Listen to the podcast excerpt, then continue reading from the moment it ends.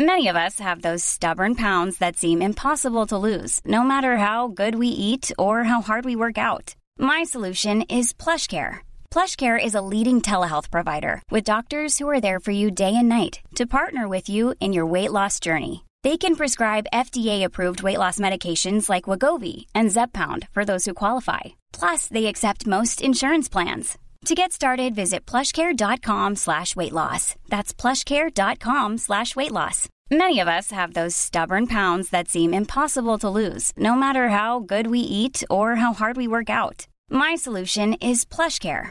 PlushCare is a leading telehealth provider with doctors who are there for you day and night to partner with you in your weight loss journey. They can prescribe FDA-approved weight loss medications like Wagovi and Zepbound for those who qualify. Plus, they accept most insurance plans. To get started, visit plushcare.com slash weight loss. That's plushcare.com slash weight loss. Hey, it's Ryan Reynolds, and I'm here with Keith, co-star of my upcoming film, If, only in theaters May 17th. Do you want to tell people the big news?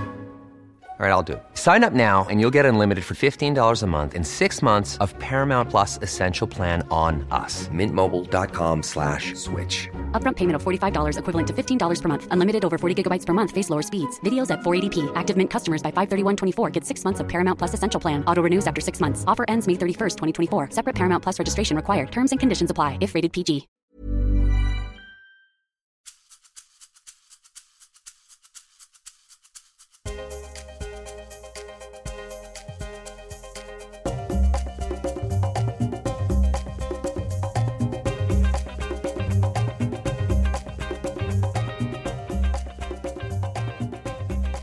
Hej och välkomna till Karriärpodden. Eva Ekedal här igen. Den här veckans avsnitt, som är det sjunde avsnittet, gästas jag av Ulrika Lindvall, VD på Film to Home. Hon är en spännande tjej med en eh, karriär på Spotify som Director International Growth och också i olika roller på Webguide Partner, även där med en internationell koppling. Ulrika är en lysande stjärna på ledarskapshimlen och blev i år utsedd som nummer två på ledarnas lista över framtidens kvinnliga ledare. Det är ett långt avsnitt, men häng med och lyssna på för hon har mycket kul och bra att berätta. Jag vill rikta ett stort tack till Manpower Group, min samarbetspartner som gör det möjligt för oss att producera och sända Karriärpodden. Nu kör vi!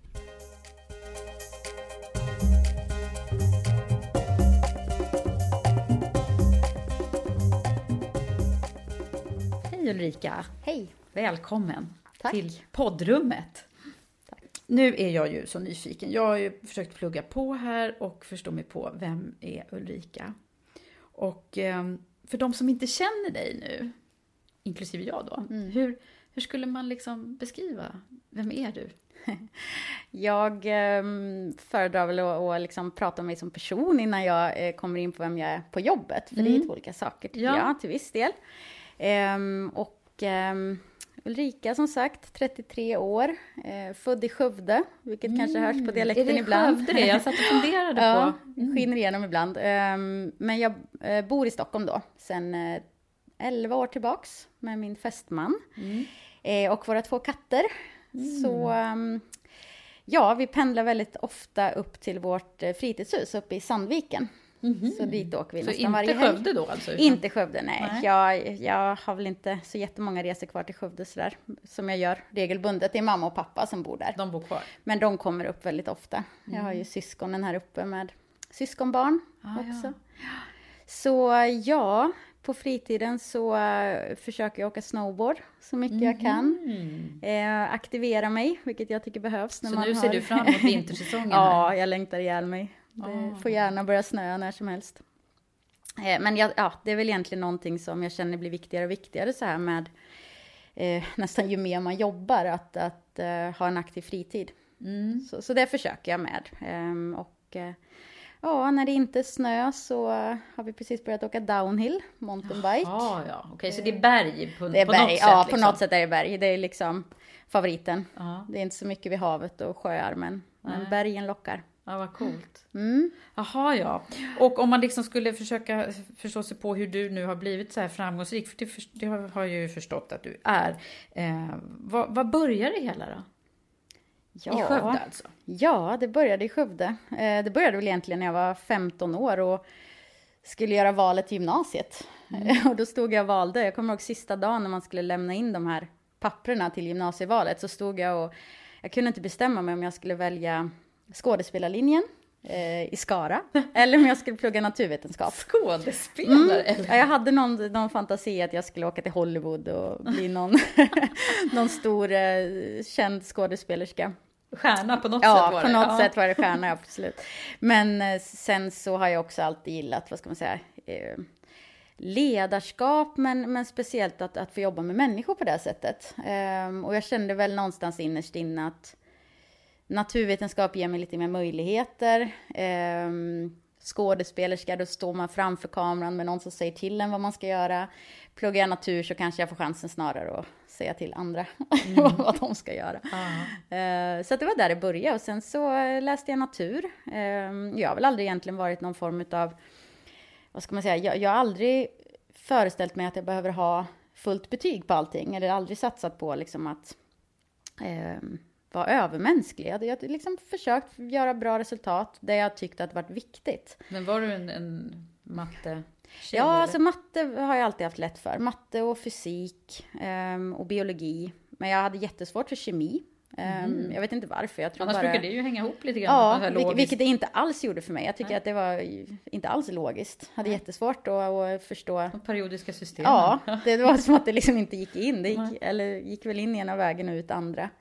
Ehm, men, men som sagt, gymnastik har också alltid varit liksom favoritämnena. Eh, och självklart drama. Jag läste ju då de här valfria ämnena så fick jag ju ha lite teater i alla fall vid sidan. Ja, Ehm. så det var både estetiskt då kan man säga och de här naturämnena. Ja, eftersom man hade då vissa, vissa delar som man kunde läsa valfritt. Ja, då ja. valde jag ju teater på dem då. Så du hade liksom, kunde bli filmstjärna. Jag hade backup-planen klar.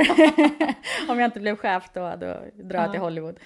Ja, nej men så att det, det var väl egentligen så. Och ehm, började arbeta liksom lite deltid på ett gym ehm, när jag läste på gymnasiet, mest för att tjäna pengar och sådär. Ehm, och var det fortfarande så, i Skövde då eller? Det var i Skövde. Jag läste gymnasiet i Skövde på Västerhöjdsgymnasiet, heter det.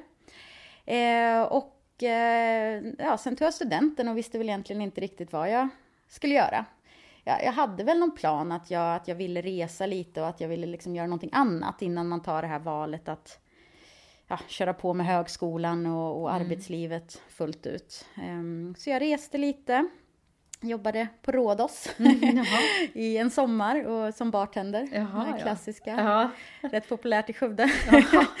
och eh, ja, men hade liksom lite tid att fundera och, och sådär. Eh, och sen så när jag kom tillbaks från Rhodos så flyttade jag upp till Stockholm.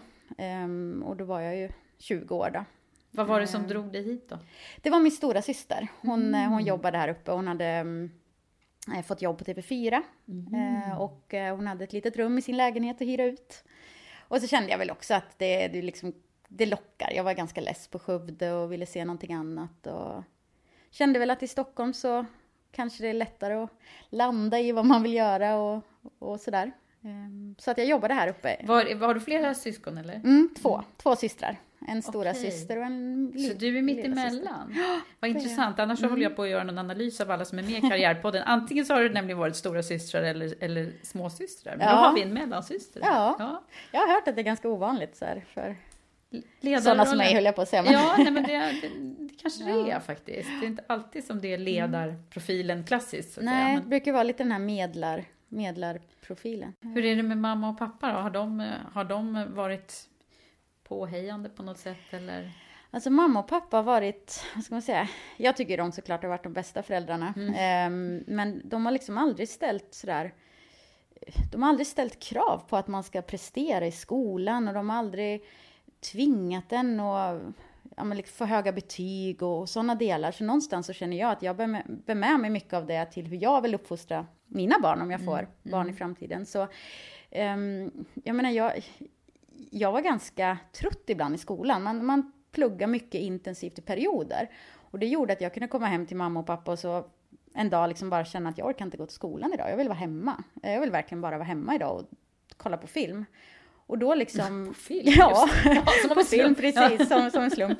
Ehm, men det var aldrig så att de tvingade mig, utan de, de, de märkte ju att jag, att jag la rätt mycket press på mig själv och att jag kunde liksom prestera när det verkligen krävdes. Så att de, de var rätt okej med det. Ja, de har inte varit... eh, Nej, sen är det klart, jag menar pappan, han är ju hållit på otroligt mycket med idrott själv. Eh, och jag växte ju upp och spelade handboll, alla vi syskon sp- spelade, spelade handboll. Ehm, och jag satsade otroligt hårt på det en period då, när jag var 15, 16, 17. Eh, och där kunde väl pappa vara lite, vad ska man säga, eh, påhejande. Han ville ju så väl, han ville så gärna att man skulle Ja, Bli bra. ja precis. Att, mest för ens egen skull tror jag. Han ville så gärna att man skulle vara glad för att det hade gått bra. Så att där kunde väl man väl känna press i perioder. Men aldrig i skolan eller i... Nej. Vad jobbar de betyg. med då? Mamma är lärare, lågstadielärare. Ehm, väldigt sådär pedagogisk och duktig och alltid hjälpt till med läxor och stöttat väldigt mycket på det sättet. Ehm, och pappa var då eh, brandman, ambulansman. Han är pensionär nu och mamma jobbar fortfarande. Mm. Så de har liksom så tydliga yrkeskategorier då? Väldigt tydliga. Ja. Och liksom, även om mamma då, hon, vad ska man säga, hon har ju läst eh, högskola och universitet, men pappa var ju liksom ingen akademiker och inte haft någon förväntning på att man behöver liksom läsa vidare eller så. Även om de alltid har tyckt att det var viktigt att plugga och lära sig, så har det nog varit mycket liksom lära genom, genom lek och vara ute i naturen och ja, prata och så vidare. Så att, Så det, det var liksom inte därifrån drivkraften kom från, för dig att Nej. plugga och, och liksom nej. ta den här karriärvägen som du Nej. har gjort? Nej. Nej, och det kan man väl nästan liksom säga har, har genomsyrat mig lite också. Jag menar, jag tror ju på att lära sig saker. Jag tror verkligen på att plugga. Jag, jag tycker att det är jätteviktigt. Men jag har nog aldrig jämf- jag jämför mig ofta med många, vad ska man säga, i, min, i en liknande situation eller liknande arbetsroll som mig. Och då har de flesta en väldigt tung akademisk bakgrund. Eh, pluggat i många år. Eh, kanske läst liksom mycket mer meriterade eh, skolor än vad jag har gjort. Jag menar, jag, var, jag har valt mycket utifrån vad som har känts bra i magen. Men du, plugg, du pluggade ju vidare? Jag pluggade vidare till slut, ja. Ja, men inte sådär på en snart. gång? Inte på en gång. Jag hade två år emellan. Eh, och sen så valde jag att eh, plugga vidare på Mittuniversitetet uppe i Sundsvall. Och det valde jag ju såklart för att det fanns snö Mm. Just där det. uppe, Kan så jag kunde åka åka snowboard. snowboard? Eh, men det är lite så jag har gjort val. Jag, har- jag har gjort det utifrån liksom vad som lockat i livet runt omkring. Mm. Eh, och snö lockade då och då åkte jag dit.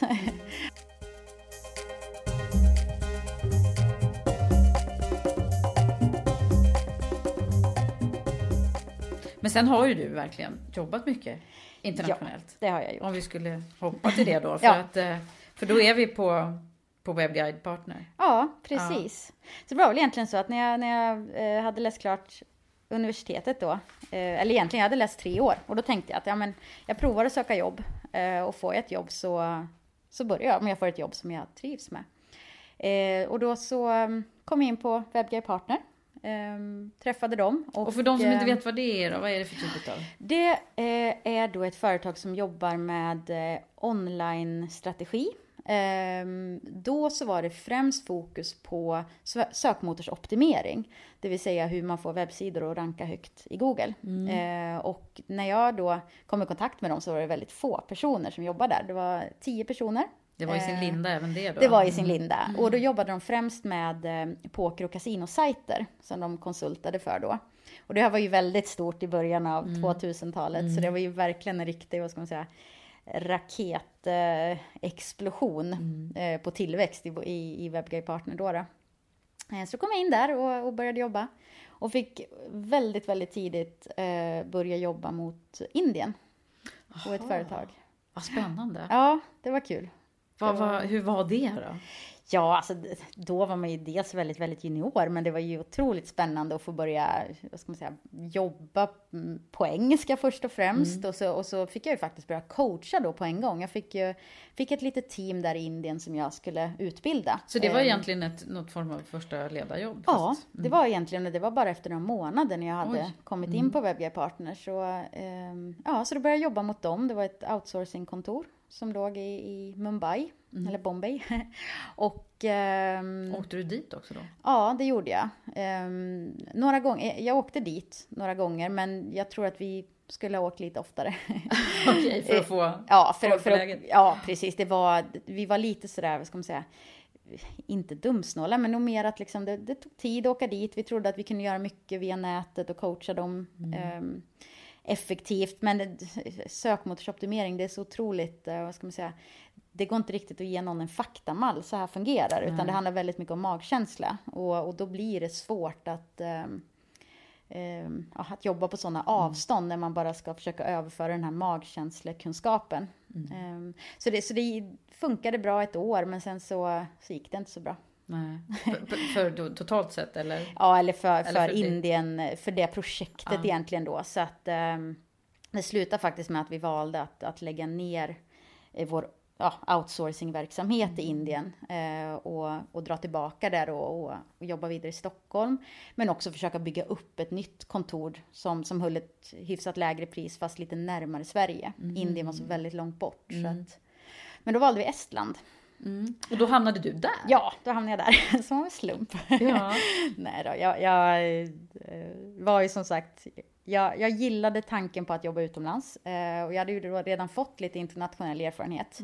Ehm, och då så, ja, eh, bad jag vdn att ge mig chansen att få, få jobba upp det kontoret i Estland. Så jag åkte dit egentligen. Vi hade inget folk där, inget kontor, ingenting. Du startade helt från början? Ja, åkte dit och, och anställde folk och hittade lokal och byggde upp verksamheten där. Och, ja, och det gick ju betydligt bättre. För då kunde man ju lära sig av, eller då försökte man undvika alla de här dundermisstagen som man hade gjort i Indien. Och de skiljer sig inte riktigt lika mycket kanske från oss Nej. i, kulturellt och så? Det blev lättare att åka. Det var egentligen det första som vi bestämde. Det var att nu, nu ska vi liksom aktivt åka dit. Vi ska verkligen finnas på plats. Så vi satte ett resschema egentligen där, där eh, flera i mitt team då fick åka över och finnas på plats. Så vi hade alltid någon på plats i Tallinn.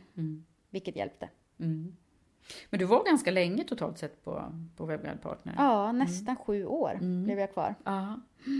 Det var en Och du gjorde tid. verkligen en, en karriärutveckling där också? Mm, det, ja, det var ju en fantastisk resa egentligen. Det var ju dels att företaget växte så enormt under den här perioden. Ehm, men också då att man i en sån typ av bransch där, där det går väldigt fort framåt och, och vi var alla väldigt unga som klev in på Webpartner där i början och, och alla som anställdes var också ganska unga så att det blev på något sätt någon det, alla möjligheter fanns.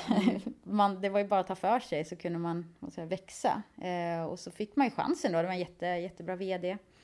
Eh, som stod bakom och trodde på en och, och, och trodde på det här frihet under ansvar och, eh, och så vidare. Så att, ja, under Och de... din den här längtan efter att bli chef då Ja. och så, den blev ju verkligen förverkligad Ja, på en gång. ja. Hur gammal var du när du fick liksom första Ja, jag var chefsjobbet? 25 då när 25. jag fick min första, första riktiga chefspositionen. Det var ju Tallinn då, Ja. Estland. Så sen dess så har det Vad säger du, har du, är det någonting som, som du kan se att du har utvecklats sen dess liksom i ledarskapet? Eller? Ja, ja, väldigt mycket. Jag tror att från början där så var man ju, vad ska man säga, det var ju, man hade ju ingen koll egentligen på, på olika typer av ledarskap. Man hade ju väldigt stor press på sig själv, att det var liksom väldigt mycket upp till chefen och se till att saker blev som de blev. Och, eh, det gjorde ju också att man varenda liksom, hörde man någonting negativt, om någon som var missnöjd med någonting, då tog man det ju nästan personligt och tänkte att nej, nu är det jag som har gjort något dumt. Mm. Så att eh, man, man likställde liksom personalmissnöjdhet med att, att man gjorde ett dåligt jobb. Ja, Men det det. har man ju lärt sig någonstans att det är liksom, det är Du har blivit lite så. tuffare där? Ja, eller? det har jag. Men kunde det Eh, hända att du, att du liksom hade ont i magen på kvällen? Och så?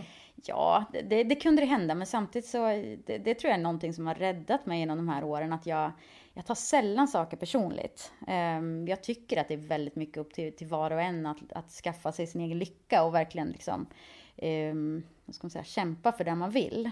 Ehm, men, men det är klart att när man är junior och när man är ny på saker så, så är ju allting extra jobbigt. Ehm, sen har jag ju tyvärr, i och med att jag har klättrat så här fort och verkligen liksom försökt ta för mig och, och hela tiden liksom, ska man säga, skaffat mig nya saker. Så, så någonstans så är ju det eh, ett stadium som man, som det känns som jag ständigt lever under. Att jag är jättetrygg med vissa grejer, men så är det de här uppgifterna som man känner att wow, vad har jag tagit på mig nu? Det här har jag ingen aning om hur det funkar. Mm, men okay. VD, det som jag är nu, det, mm. det har jag ju inte varit förut. Det, Nej, det blir, det blir nya, större områden ja, hela tiden. Ja, så blir det ju. Mm. Men det är klart, så här, generalmisstag som, som man gjorde då, de, de försöker man ju undvika nu. Mm. Och det väl kanske ha mycket med naivitet och blåögdhet att göra. Mm. Eh, man har blivit lite bättre på att sätta ramar och deadlines och sådana mm. delar. Mm. Du kan se att erfarenheten har varit bra. Ja.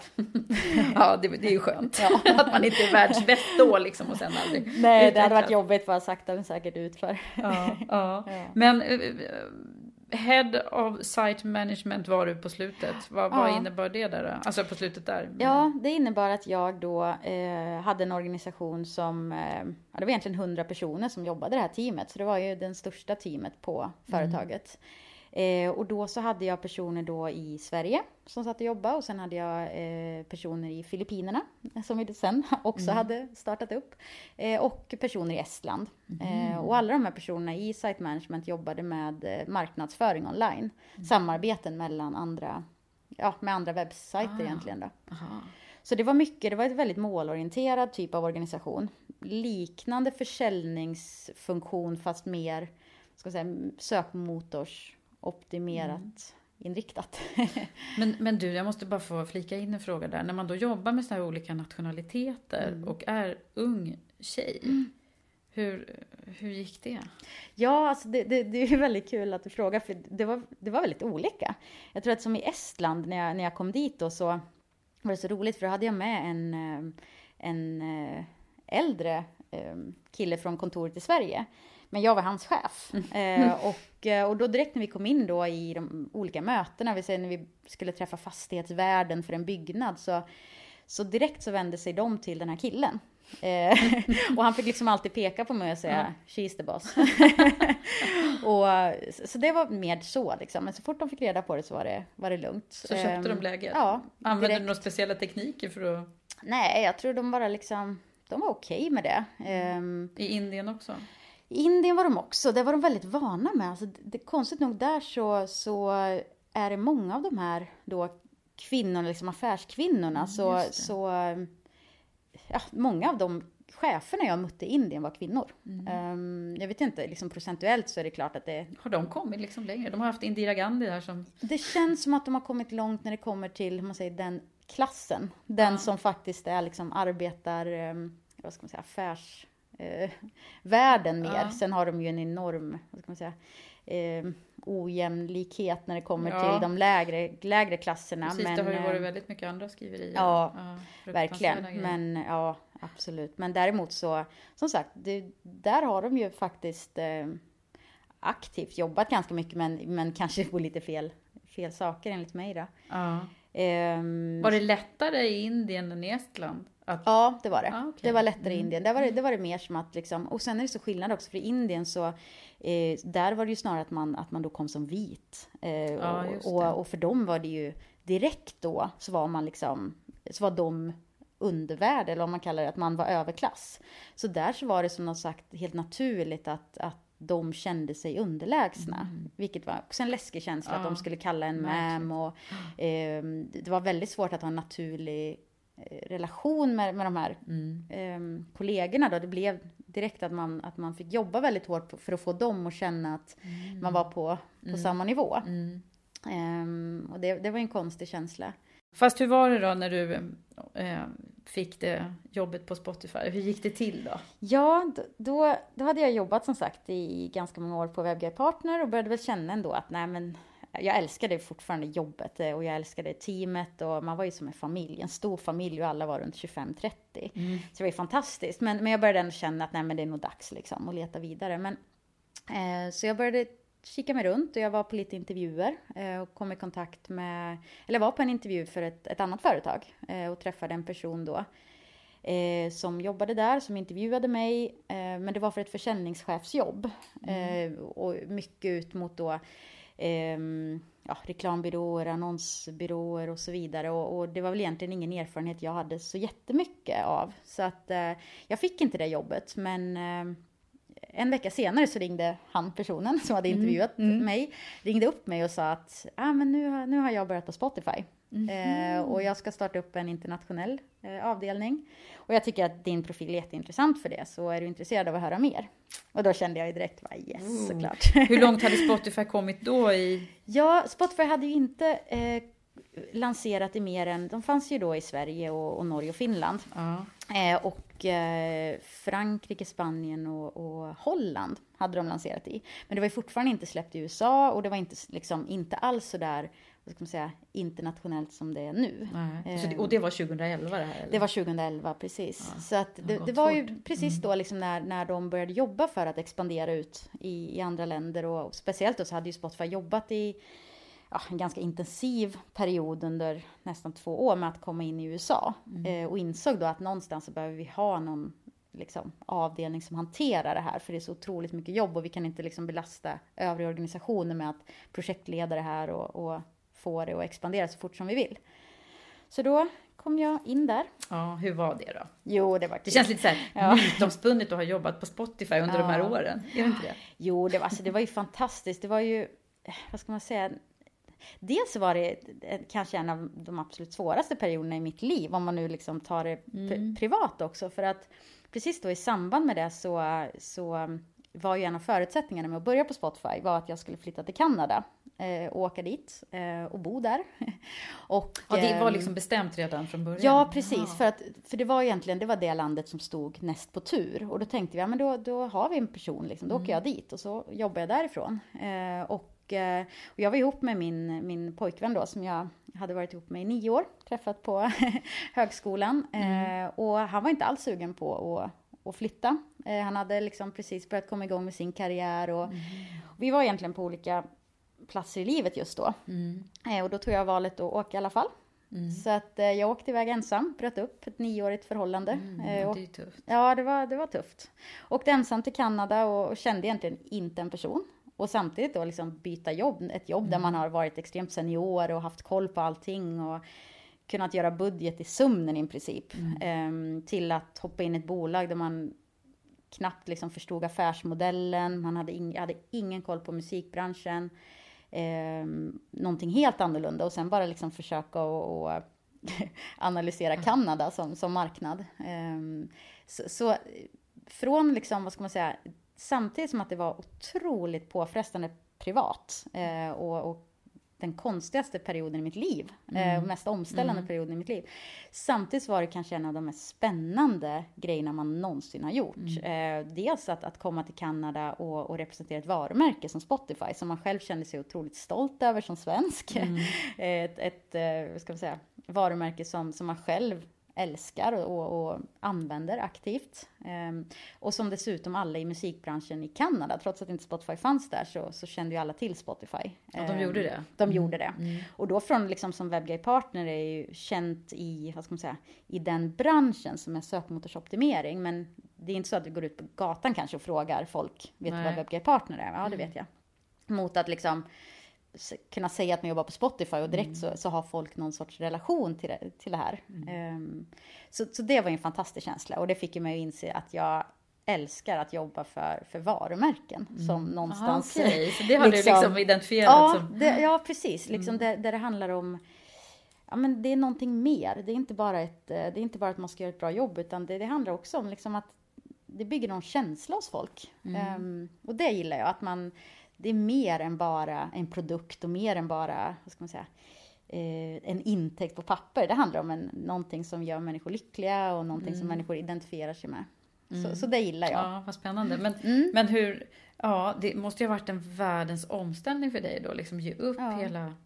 Hur, fick du aldrig några liksom tvivel? Bara, vad har jag gjort? Jo, de första månaderna var jättekonstigt. Då kom man dit och, och man hade ju ingen koll på Toronto. Jag kände verkligen inte en kotte, så det var ju bara att börja försöka och liksom eh, nätverka. Men då blev det ju mycket att man, att man umgicks med, vad ska man säga, personer i musikbranschen som man fick kontakt med för genom skivbolagen och så vidare.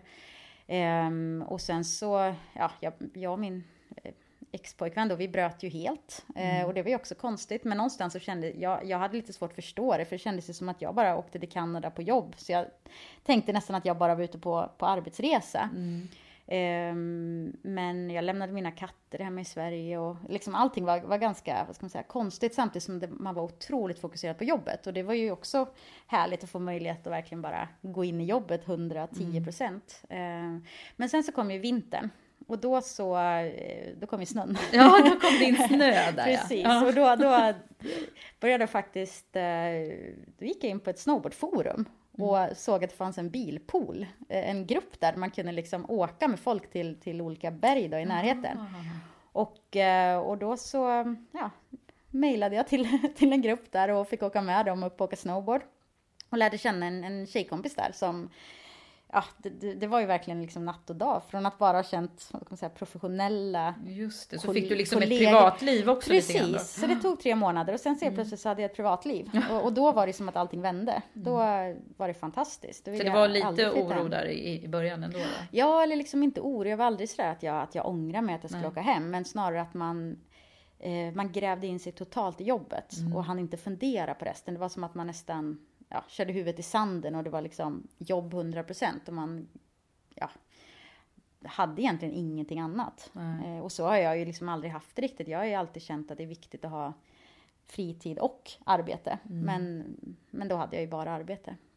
Så du har testat den varianten? Jag har testat den, ja. Det har ju tyvärr ett påtvingat test i andra omgångar också. Ja, men, ja. men eh, ja, nej, så sen, sen var det otroligt Men hur var det då att jobba på Spotify under de här intensiva, för jag menar det, ja. det var väl tillväxt hela tiden? Ja, det var tillväxt din... hela tiden. För sen kom jag hem då till Sverige ett mm. år senare. Eh, och så det var ett så, år du var där ja? Mm. Ja, tanken var att jag skulle vara där längre. Men eh, vi, ja, det var vissa licens, eh, ska man säga, nedlagar i Kanada som trädde i kraft då som gjorde att skivbolagen bolagen inte vågade eh, licensiera Spotify. Mm. Så då, då, tog vi en paus från Kanada, åkte hem till Sverige eh, och sen så istället då så byggde jag upp en organisation som skulle sätta processen för hur man ska lansera i nya länder. Mm. Så det handlade snarare om att hur, hur, eh, hur ska vi effektivast rulla ut Ah, um, när ni öppnade nya ja, marknader? Mm. Precis, mm. och, och byggde upp då ett team i Stockholm för det här. Um, som då jobbade med, med localization, det vill säga översättning av produkten, kvalitetssäkring, men också då projektledning självklart för alla de här hundratals mm. personerna som behövde vara involverade. Mm. involverade. Eh, och, eh, och det var ju superhäftigt. Jag menar från att i början då, det första halvåret när jag var hemma i Sverige, så då lyckades vi väl lansera ja, åtta länder gick vi väl ut med. Det var, det var ju ganska kraftigt. Mm. Eh, men sen min absolut sista dag på Spotify så lanserade jag 25 länder på morgonen. Och sen gick jag. Nej. jo. Oj. Ja, så då, hade vi liksom, då var det verkligen ett bevis på att de processerna som vi hade byggt fram och byggt i ordning och eh, ja, all, all, allting som behövde falla på plats, mm. full på plats. Eh, så att det gick, gick otroligt smärtfritt. Vi satt där på, jag ska säga, tidig morgonkvist och så sitter man i ett rum och mm lanserar. Helt nu när du har liksom lämnat eh, Spotify, kan du liksom se vad det är som har varit eh, eh, om du liksom skulle titta på det lite analytiskt utifrån, mm. vad är det som har varit lyckokasten med att, att det har gått så bra för företaget? Alltså det... Förutom det ja. arbetet du gjorde då? Ja, precis. Nej men alltså som, det, det, första egentligen lyckokastet, det var ju liksom timingmässigt att de kom ut med en sån otroligt bra teknisk produkt eh, som då självklart de kunde lansera också med en gratismodell. När, eh, när man ska säga, musikbranschen stod på den spetsen de gjorde. Att, att piracy var skyhögt. Mm. Eh, svenskarna var desperata, det laddades ner som aldrig förr. Och, och, och skivbolagen, liksom, de hade ju fått sparka otroligt mycket folk. Så ja. det var ju liksom timingmässigt så var det, rätt, så var det mm. helt mm. rätt. Eh, och, och, nu då när jag kan bära med mig den här erfarenheten in i filmbranschen mm. så förstår jag så himla mycket mer av liksom precis vart Spotify befann sig just där och då. Och jag kan väl se på filmbranschen och dra enormt mycket likheter där filmbranschen börjar befinna sig nu. Eh, tyvärr inte riktigt kanske exakt där det musikbranschen var. Eh, men det, det närmar ju sig. Det är ju en, en liksom, vad ska man säga, otroligt... Kan man inte göra copy-paste på det då? Jo, man, man skulle ju önska det. här, bra modell, bra koncept. Ja, precis. Den, den är ju faktiskt otroligt bra för musik, men den är ju inte riktigt lika bra för film, Spotify-modellen. Ehm, och det kan man väl se tydligt det som, som händer just i filmbranschen nu, att det snarare blir många olika aktörer som, som har mycket Mm. olika content och så vidare. Ehm, men egentligen då så, så Lyckokastet, så det, och sen självklart, jag menar jag har ju all respekt för då Daniel Ek och Martin Lorentzon, grundarna. Mm, Eh, Martin hade jag träffat förut via eh, Webgay Partner. Jaha. Han är barndomskompis då med vår VD. Mhm. Eh, och eh, hörde, vi fick ju höra talas om Spotify ett och ett halvt år innan de lanserade. Och vi var också bland de första som fick då testa ett sånt där betakonto på Spotify innan lansering. Så jag hann ju liksom, Så du var lite du, före där? ja, och jag vet ju att när man, när jag då testade Spotify första gången och när jag liksom kunde visa kompisar och bara bad dem att söka efter en låt och de sökte och den fanns. Ja. Bara det där var ju liksom helt wow. Så att eh, funktionsmässigt var sajten just då otroligt bra. Eh, och så timingmässigt såklart. och sen tycker jag, jag menar de har gjort mycket rätt med att eh, våga liksom satsa på expansion och, och använda det för, att- för att visa att det går att vända marknader och börja tjäna pengar. Sen är det ju många som kan debattera att ja, men, Spotify, det, det går ju inget bra för Spotify.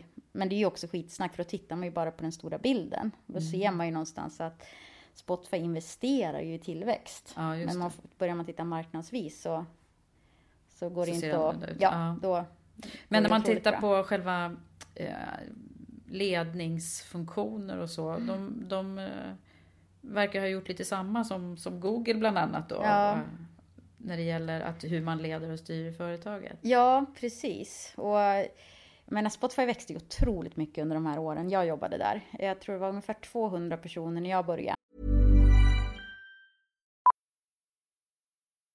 Millions of people have lost weight with personalized plans from Noom, like Evan, who can't stand salads and still lost 50 pounds. Salads, generally, for most people, are the easy button, right? For me, that wasn't an option. I never really was a salad guy. That's just not who I am. But Noom worked for me. Get your personalized plan today at Noom.com. Real Noom user compensated to provide their story. In four weeks, the typical Noom user can expect to lose one to two pounds per week. Individual results may vary. Hiring for your small business? If you're not looking for professionals on LinkedIn, you're looking in the wrong place. That's like looking for your car keys in a fish tank. LinkedIn helps you hire professionals you can't find anywhere else, even those who aren't actively searching for a new job but might be open to the perfect role. In a given month, over 70% of LinkedIn users don't even visit other leading job sites. So start looking in the right place. With LinkedIn, you can hire professionals like a professional. Post your free job on linkedin.com slash achieve today. Ever catch yourself eating the same flavorless dinner three days in a row? Dreaming of something better? Well, HelloFresh is your guilt-free dream come true, baby. It's me, Kiki Palmer. Let's wake up those taste buds with hot, juicy pecan-crusted chicken or garlic butter shrimp scampi. Mm. Hello Fresh. Stop dreaming of all the delicious possibilities and dig in at HelloFresh.com. Let's get this dinner party started. Hey, it's Ryan Reynolds, and I'm here with Keith, co star of my upcoming film, If, only in theaters, May 17th. Do you want to tell people the big news? All right, I'll do it. Sign up now and you'll get unlimited for $15 a month in six months of Paramount Plus Essential Plan on us. Mintmobile.com slash switch. Upfront payment of $45 equivalent to $15 per month. Unlimited over 40 gigabytes per month. Face lower speeds. Videos at 480p. Active Mint customers by 531.24 get six months of Paramount Plus Essential Plan. Auto renews after six months. Offer ends May 31st, 2024. Separate Paramount Plus registration required. Terms and conditions apply if rated PG. There's never been a faster or easier way to start your weight loss journey than with PlushCare. PlushCare accepts most insurance plans and gives you online access to board-certified physicians who can prescribe FDA-approved weight loss medications like Wigovi and Zepbound for those who qualify. Take charge of your health and speak with a board-certified physician about a weight loss plan that's right for you. Get started today at plushcare.com slash weight loss. That's plushcare.com slash weight loss. plushcare.com slash weight loss. Eh, och sen jag slutade så var det 1500. Eh, och då hade ju under tiden då det växt upp kontor i flera länder, varav USA hade fått ett jätte, jättekontor. Eh, och då är det klart att när man har, växer ett sånt typ av bolag så vill man ju även få in, ska man säga, seniora chefer från välmeriterade företag som Google och, och Yahoo och Ebay och så vidare. Eh, och det tror jag kan varit en, liksom, det, det är en med svårigheterna för just Spotify som är ett svenskt bolag med svenska värderingar och svensk kultur att försöka och, och bevara det när man expanderar så fort och när Mm. man behöver ta in då de här seniora cheferna som är vana med ett helt annat ledarskap. Mm. Så någonstans så blev det kanske lite spretigt. Eh, Nu vet jag att de jobbar jättehårt på att, man säga, Mm. Det är lite eh, kultur, s- eh. Ja, lite kultur. Det var ju någonting vi pratade mycket om i då vår avdelning också, att när man rullar ut i nya länder så måste man också säkerställa att kulturen följer med och att man inte bara tror att det ska komma av sig självt bara för att man lanserar i, i. Singapore. Utan då någonstans får man ju säkerställa att ja, men, det här tror vi på, så här ska vi jobba. Ehm, Men det går ju inte alltid hand i hand med hur man, hur man är van att jobba i USA till exempel. Nej. Eh, där, där ja, första månaderna på um, det amerikanska kontoret, då satt ju liksom de högre cheferna satt ju i sina glas, glasburar Ja. ute i liksom corner För office. det är så de gör. Det är så de är vana. Och sen så flyttade de ut. Sen fick de göra det? Ja. ja. Ja, vad spännande. Vilka erfarenheter du fick med dig därifrån. Ja, Ja. det, Men nu är du i den rollen som VD ja på Film to Home. mm, det är jag.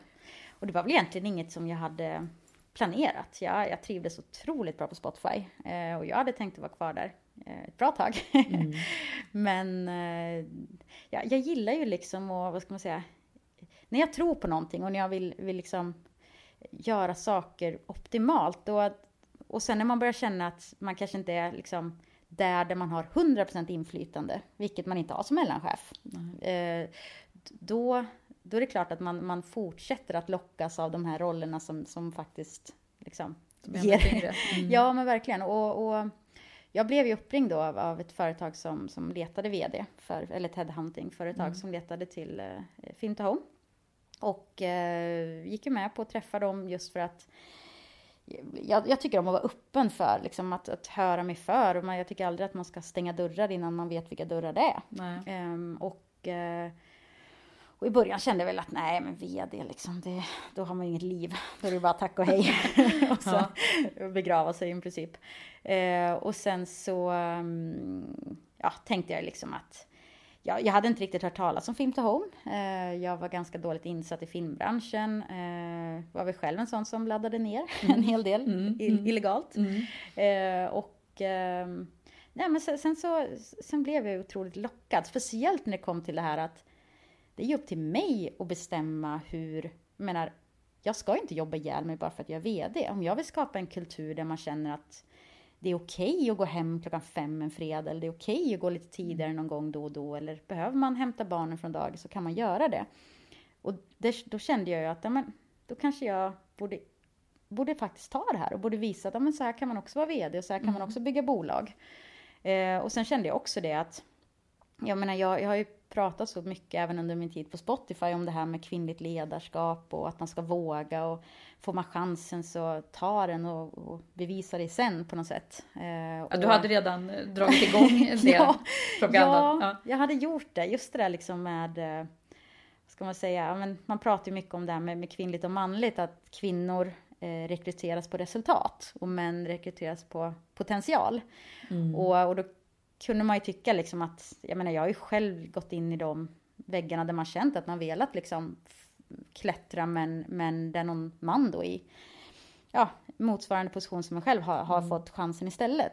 Du har stött på glastaket. Ja, jag har stött på glastaket. Och, och, och då kände jag ändå att någonstans nu så, jag har inte bevisat mig när det kommer till att vara VD, för jag har ju aldrig varit VD och, och jag har ingen aning om om jag är en bra VD, men jag tror, jag tror att jag är en bra VD och jag har verktygen som krävs och jag har potentialen. Eh, Så att någonstans kände jag, nej men nu tar jag det här och så, och så kör jag. För att då kan jag i alla fall liksom, då kanske jag kan inspirera några och ge mode till, till några. Ehm, men det är klart, jag var lite rädd innan jag hoppade Men på. hur, hur har det varit då? De här, den här första tiden som ny VD brukar ju vara väldigt spännande. Ja, och, och det, det är den ju. Det är ju egentligen, det är ju eh, både det absolut mest spännande jag har gjort i hela mitt liv, samtidigt som det kanske är det mest liksom, pressande man har gjort också. Jag tror liksom just det där att ständigt känna att man eh, är, vad ska man säga, att man lär sig, fast man, man liksom vet att man, det är inte så att man, att man har så mycket, vad ska man säga, du, du måste liksom lära dig. Det är inte sådär att du bara, "Nej, men det där, det kan jag ta någon annan dag. Nej, det. det är verkligen, okej, det här måste jag veta, det här måste jag kunna. Ja. Nu är det bara ta tag i Just det. det, och så fatta beslut Ja, efter det då. Precis, och göra det. Och sen, så att det, det nya egentligen, det stora nya, det har ju varit liksom att eh, jobba mot en styrelse. Eh, att eh, bara från att liksom, okej, vad, vad bestämmer jag, vad bestämmer de? Eh, vad, vad, vad ska jag presentera? vad, eh, liksom, hur funkar det i styrelsemöten? Bara sådana grejer var ju otroligt nytt eh, för mig. Sen så liksom ledarskapsbiten och bygga team och, eh, och de delarna, det, det är ju någonting som, liksom, som jag har ändå. jobbat med länge och, och, och känner mig väldigt, väldigt bekväm med. Eh, och sen så filmbranschen. Ja, jag läste dina rekommendationer på LinkedIn. Det verkar vara det som de flesta pratar om väldigt mycket. Med, med att du är duktig på det. Ja, jag, jag, jag tror ju liksom på, jag vet inte, jag, jag, jag tror ju på människor. Jag menar det är ju inte jag, och det var jag ganska noggrann med till, till mina ägare också Film to Home, att jag menar, jag är ingen IB-människa, liksom jag är inte eh, superkompetent på något sätt, men vad jag är riktigt, riktigt duktig på det är att liksom hitta de här personerna som är mycket duktigare än mig och placera dem i ett rum och få dem att göra underverk. Eh, och någonstans så är det ju liksom, det är fortfarande någonting jag, jag trycker stenhårt på. Att det är inte jag som gör de här sakerna, utan det är mitt team. Eh, och det är alltid en balans när man, man liksom är ett litet team, man har en ganska liksom tight budget. Eh, samtidigt som att liksom, för att växa så behöver man ha ett seniort starkt team som, som liksom kan driva igenom saker utan att vdn står där och skriver instruktioner för varenda eh, grej som ska tas beslut på eller liksom genomföras. Det, det går ju inte. Nej, Så att, det ska ehm, vara självspelande piano. det ska vara självspelande, precis. Eh, och- Är det det nu eller? Ja, det börjar det bli. det börjar det bli.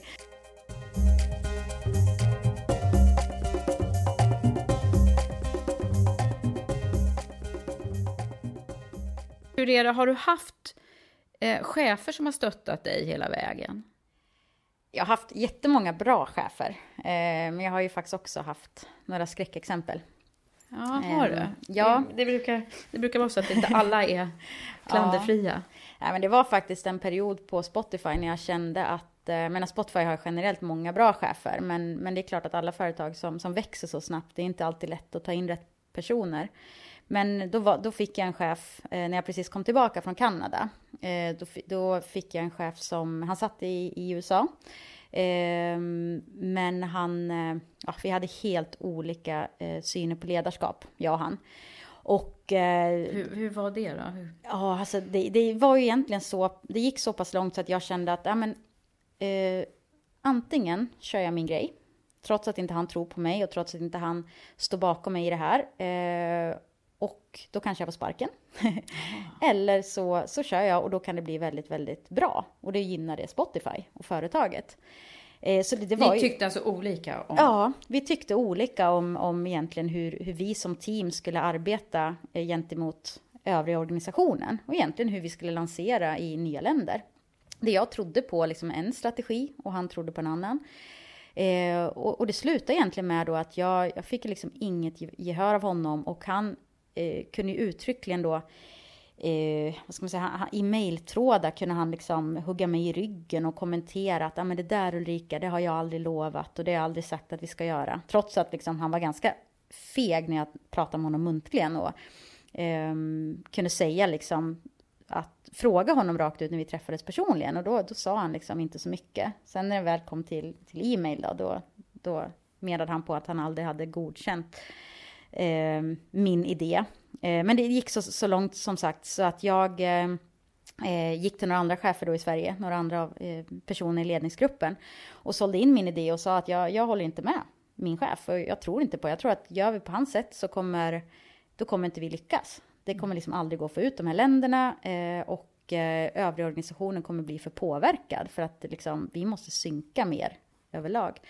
Eh, och jag fick då de Så här... du vågade verkligen gå emot honom? Ja, jag gick emot dem med, med liksom risken att få gå. Med risken att få sparken. För att det, Det jag, gick hänt, ju, liksom. ja, jag gick ju bakom ryggen på min chef.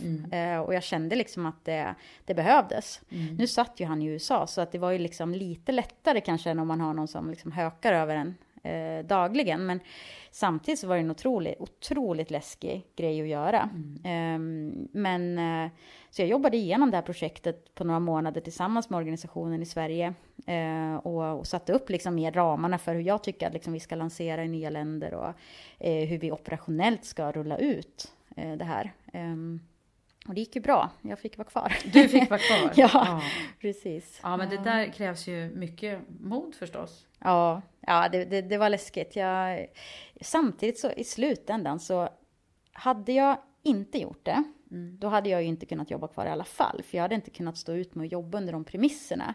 Eh, det han då trodde på, det var liksom, han, han sa uttryckligen till mig att han, han tror på kinesiskt diktatorskap, liksom att det är så man bedriver ledarskap. Eh, och jag tror ju inte på det.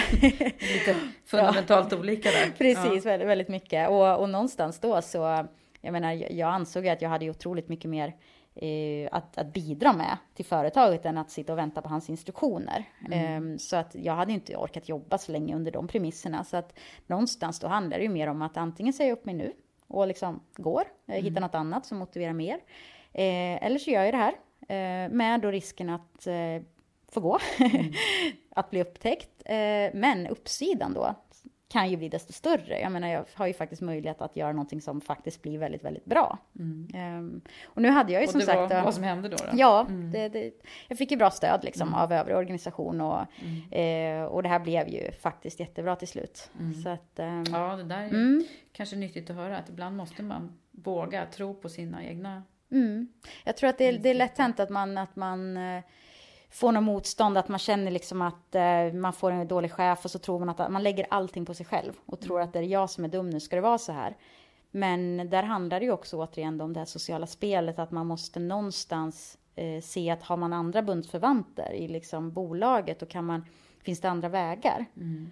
Och sen är det inte alltid man orkar föra mm. kampen. Men då måste man också inse att men då är det bättre att gå. Mm. Um, men jag tycker verkligen inte att man ska sitta och bara liksom tolerera en sån situation. Mm. Där man... Inte bara svälja liksom? Nej, Nej, inte bara svälja. För någonstans är det chefens ansvar att se till att man, eh, att man liksom har, eh, har någon form av, av rollbeskrivning som, som matchar ens eh, ens eh, kompetens och, och mm. ens potential. Speciellt om man är anställd för en viss typ av roll. Då ska man ju någonstans få, mm. få jobba efter den här rollen också. Mm. Um, det leder mm. oss ju in på också faktiskt det här med riktigt bra ledarskap. Mm.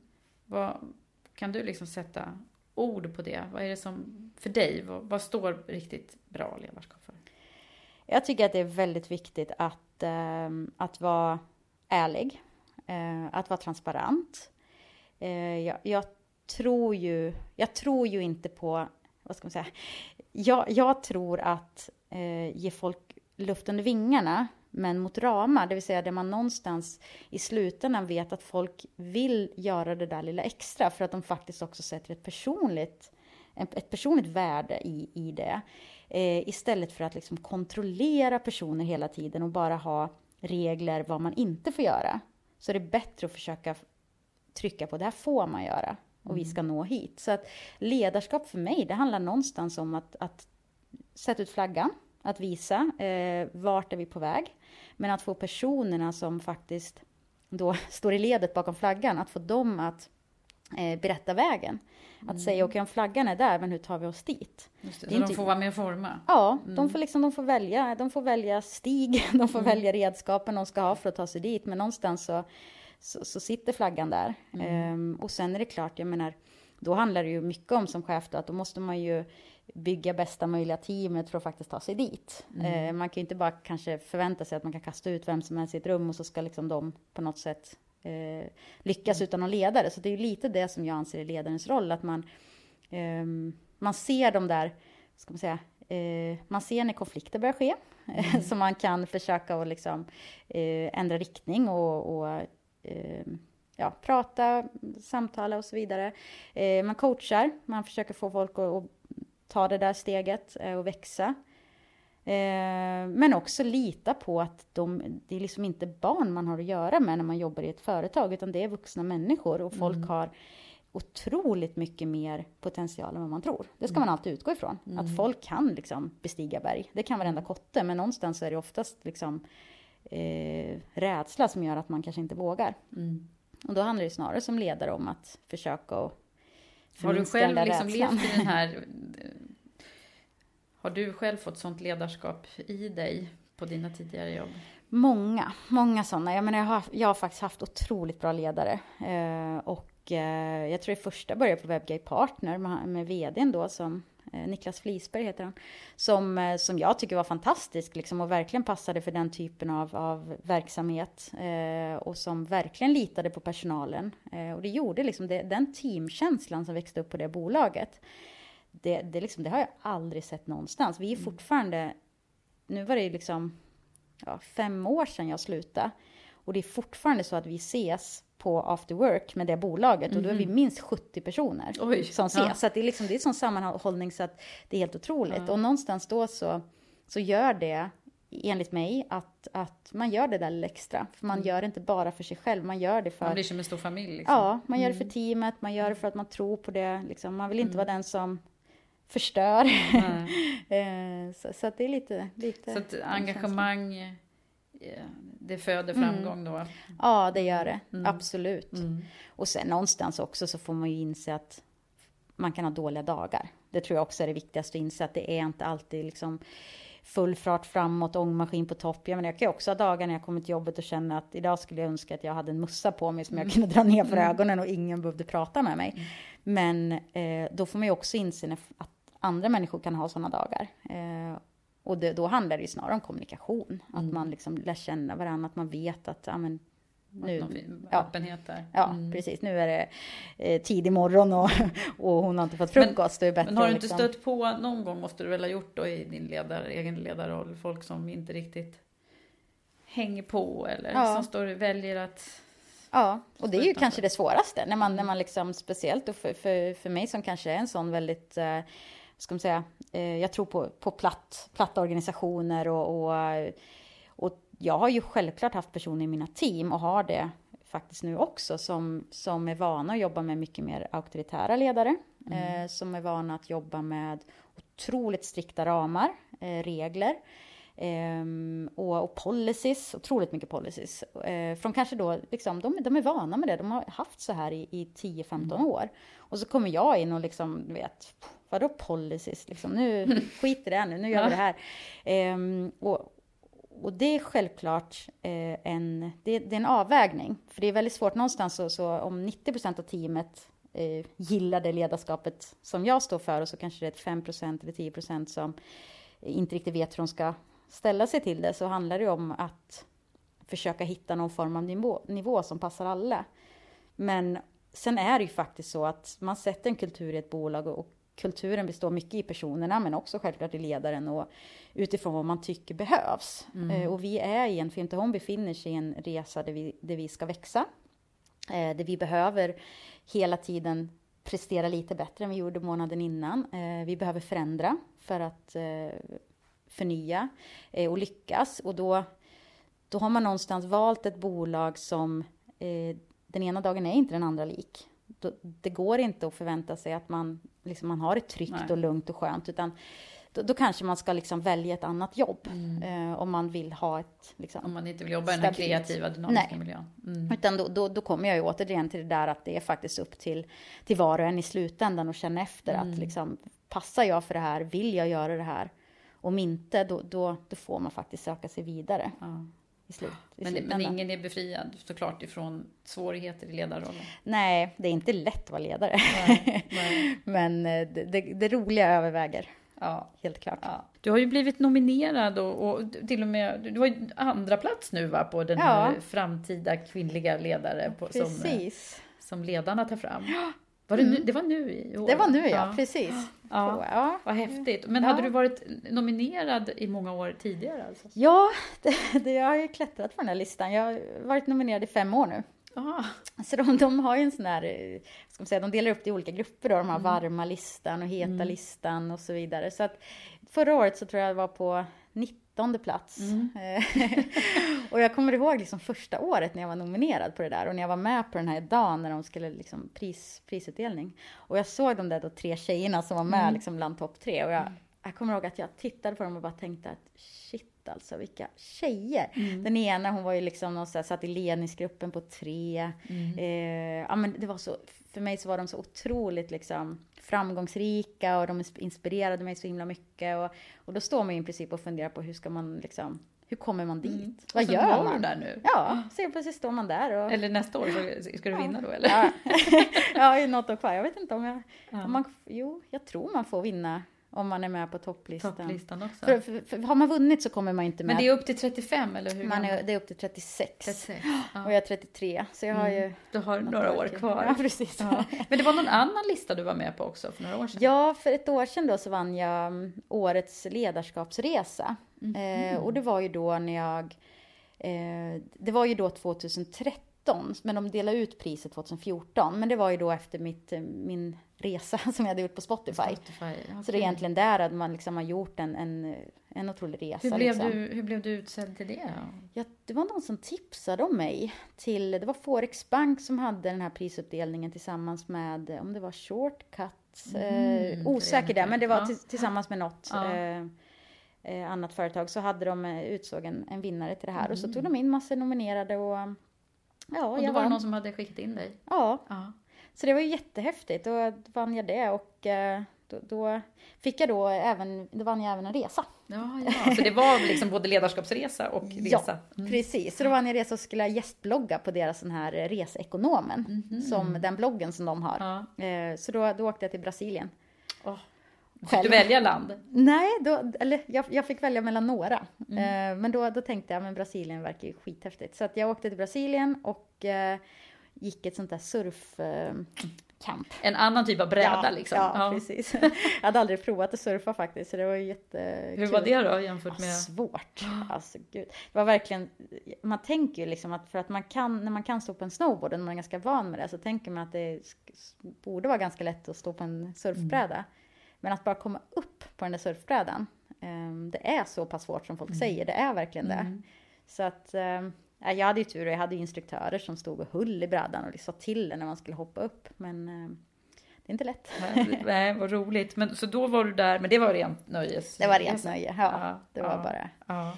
Så Ja, men det här är ju otroligt. Hur, jag bara liksom sitter och förundras över hur... hur du verkar ha gjort en strålande karriär so far. Liksom. Vad, är, Ja. vad är det som är nyckeln? Ja, det är ju en svår fråga för att någonstans när liksom när man pratar om karriärkvinnor, om man nu liksom sätter en stämpel karriärkvinnor, då, då, jag identifierar mig ju fortfarande inte med en karriärkvinna och det är ju jättekonstigt. Ja, För ju. någonstans så ser jag mig alltid så här, ja men vadå, jag har ju inte läst på Handels, jag har inte läst KTH, jag har ju inte läst ekonomisk utbildning och, och sådär. Och, och någonstans då inser jag ju så här, vad dumt av mig, nu sätter jag stämplar på någon Ja. konstig liksom traditionell Där är det där typiskt kvinnliga. Ja, ja, jättekonstigt. Så då blir jag jättearg på mig själv och så säger jag, men vadå, det är ju precis så här det ska vara. Vem som helst ska kunna bli, eh, nu får stämplar och framgångsrik ledare och det spelar ingen roll liksom. Det, det handlar om vissa kvaliteter. Ehm, och, och då har jag försökt liksom identifiera de kvaliteterna och det tror jag också är otroligt olika vad som behövs. Eh, och, och någonstans så är det ju såklart eh, vissa organisationer behöver vissa olika kvaliteter, men jag tror någonstans så är det nog viktigt att veta att man är ganska bred i sina kvaliteter. Ehm, nu är jag en typisk, vad ska man säga, jag är en, jag är en visionär, jag, jag liksom har idéer och eh, men jag är samtidigt ganska bra på att implementera dem. Ehm, jag tror att det är många kanske då som är, vad ska man säga, de har jättemycket idéer, men de kanske har väldigt svårt att liksom konkret faktiskt Få våga. Mm. våga liksom börja, ja, börja köra och börja trycka på. Ehm, så, så någonstans där så är liksom kombinationen att jag har mycket idéer men, men att jag också kan få det att börja hända. Jag är ganska orädd på det sättet. Liksom. Det är bara, nu kör vi liksom. Så, så ta ett steg i taget och bara tryck på. Ehm, men, men någonstans så tror jag i slutändan att skulle man liksom titta på någon form av så här mina kvaliteter. Ja, ja. så, så tror jag egentligen att eh, det som jag har vunnit på och hittills och fortfarande vinner på, det är ju egentligen att, ja men det är ju liksom orädslan. Någonstans så, så, så är det så otroligt många som är så kompetenta och betydligt bättre än mig på så himla mycket. Ehm, men som någonstans tvekar. Mm. De tvekar för att det, det finns ju alltid rädslor. Jag menar, det är ju vad det än må vara liksom. eller val. Det kanske är så att man väljer att nej men eh, jag tycker om att ha det tryggt. Jag vet att jag är kompetent och, och kapabel till att liksom ta på mig mer ansvar. Eh, ja, jobba hårdare, jobba längre timmar kanske om det skulle behövas. Men man väljer att nej men nu är jag i den här positionen i livet så att jag, jag vill inte. Jag, jag är nöjd med det där jag är. Men det, det, jag inte kan förstå det är de som, som är kapabla och kompetenta och, och, och vill. Mm. Eh, men som hela tiden klagar på, på saker runt omkring. De Ja, tror alltid det. att det finns någonting som liksom eh, gör att de aldrig får chansen eller de Mm. aldrig kan klättra. Ehm, och, och det där Så det handlar om att ta för på. sig.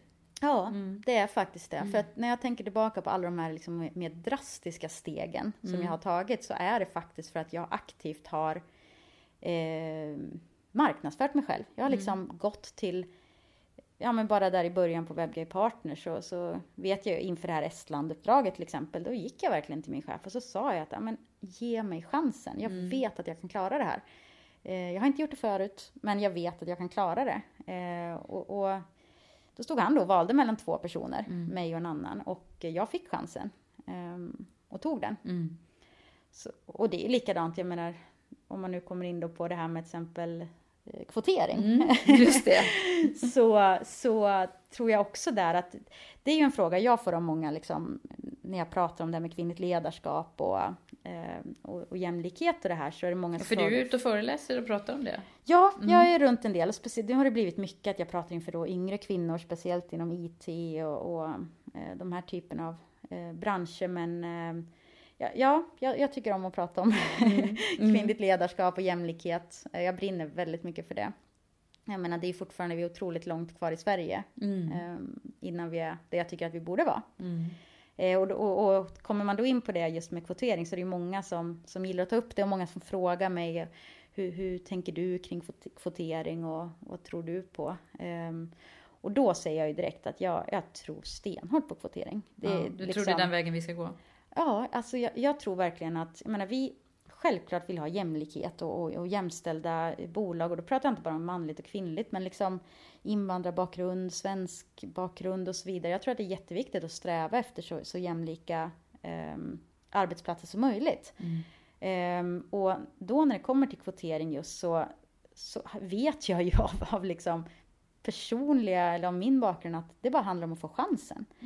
Och då tänker jag ju självklart när det kommer till kvotering att jag vet att det finns kompetenta kvinnor, otroligt kompetenta och blir man, blir man då i alla fall påtänkt för en, liksom, ett styrelseuppdrag eller att sitta i en ledningsgrupp även om det är via kvotering. Blir man påtänkt då är man kvalificerad. Och får man bara chansen så då, då kommer man lyckas. Och någonstans så tror jag det handlar om att man måste ibland ta till drastiska åtgärder för att nå snabba resultat. Så hur skulle du klassa dig som feminist? Ja, absolut. Vad bra, höll jag på att säga. För det där ordet verkar ju ha blivit en... Ja, det är jättesynd. eh, Att det- att- att det, det, det råder lite olika meningar om det. Ja, det är sorgligt att, jag, jag tycker det är sorgligt någonstans att, att, eh, man kan höra liksom tjejer som, som någonstans tycker så här, nej men jag kan inte identifiera mig med en feminist. Och jag menar, feminist så, så som, som jag anser att ordet är, det är ju liksom, det är för att man tror på ett jämlikt samhälle. Och, och någonstans då att inte säga man är feminist, det blir konstigt.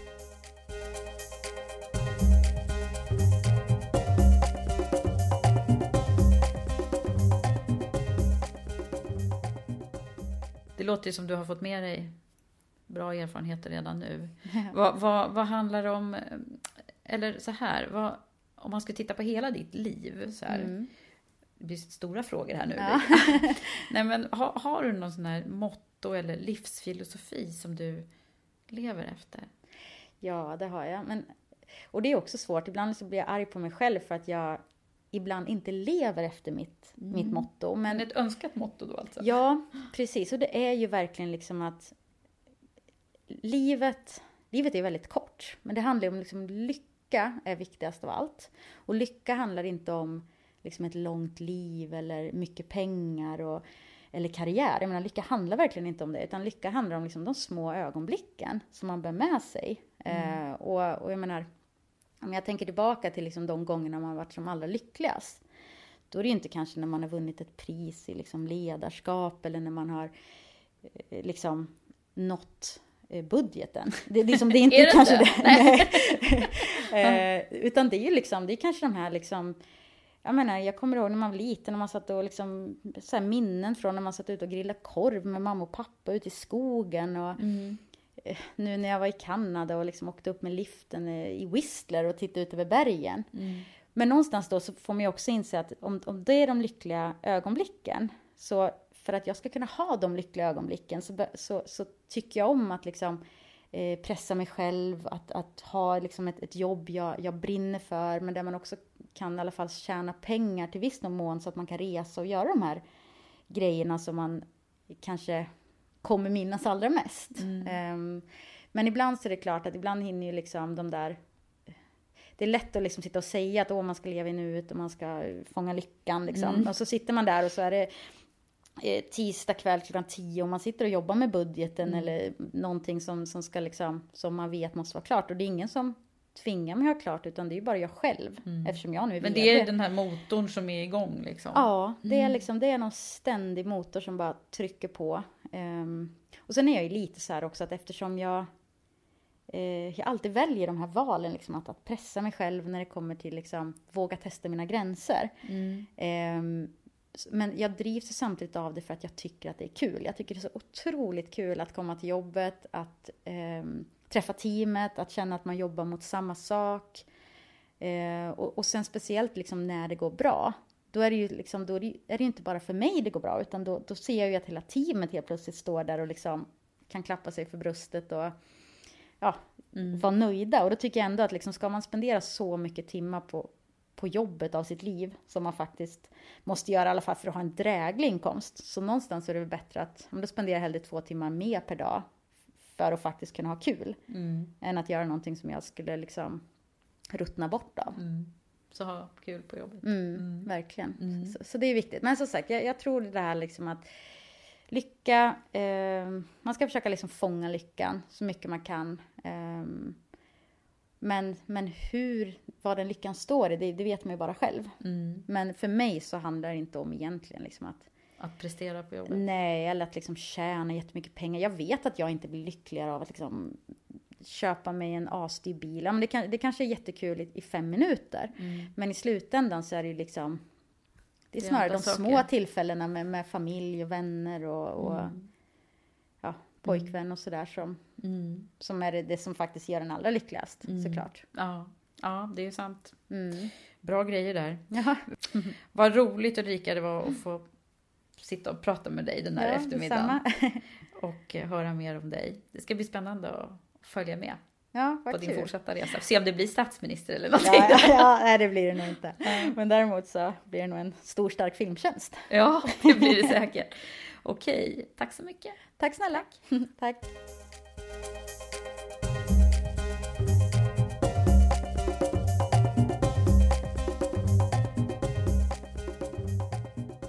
Nu sitter jag kvar här i poddrummet efter vårt samtal och tänker. Ulrika har verkligen mycket bra att komma med tycker jag. Hon är en häftig förebild för många unga ledare. Kreativ och modig, men ändå ödmjuk och väldigt naturlig i sin ledarroll. Det var ju verkligen kul att höra om hennes resa på Spotify och hur hon tagit sig an ledarrollen så målmedvetet och bra. Lycka till nu Ulrika i vd-rollen och på din fortsatta karriär.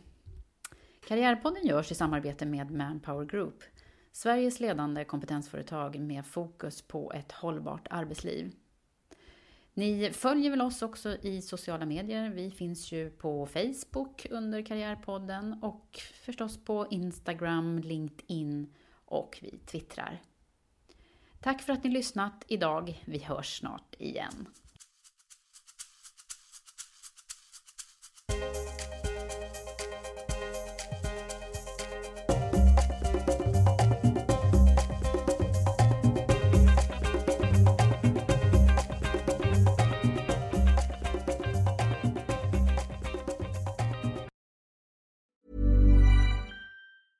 Ever catch yourself eating the same flavorless dinner three days in a row? Dreaming of something better? Well, HelloFresh is your guilt-free dream come true, baby. It's me, Kiki Palmer. Let's wake up those taste buds with hot, juicy pecan-crusted chicken or garlic butter shrimp scampi. Mm. Hello Fresh. Stop dreaming of all the delicious possibilities and dig in at HelloFresh.com. Let's get this dinner party started.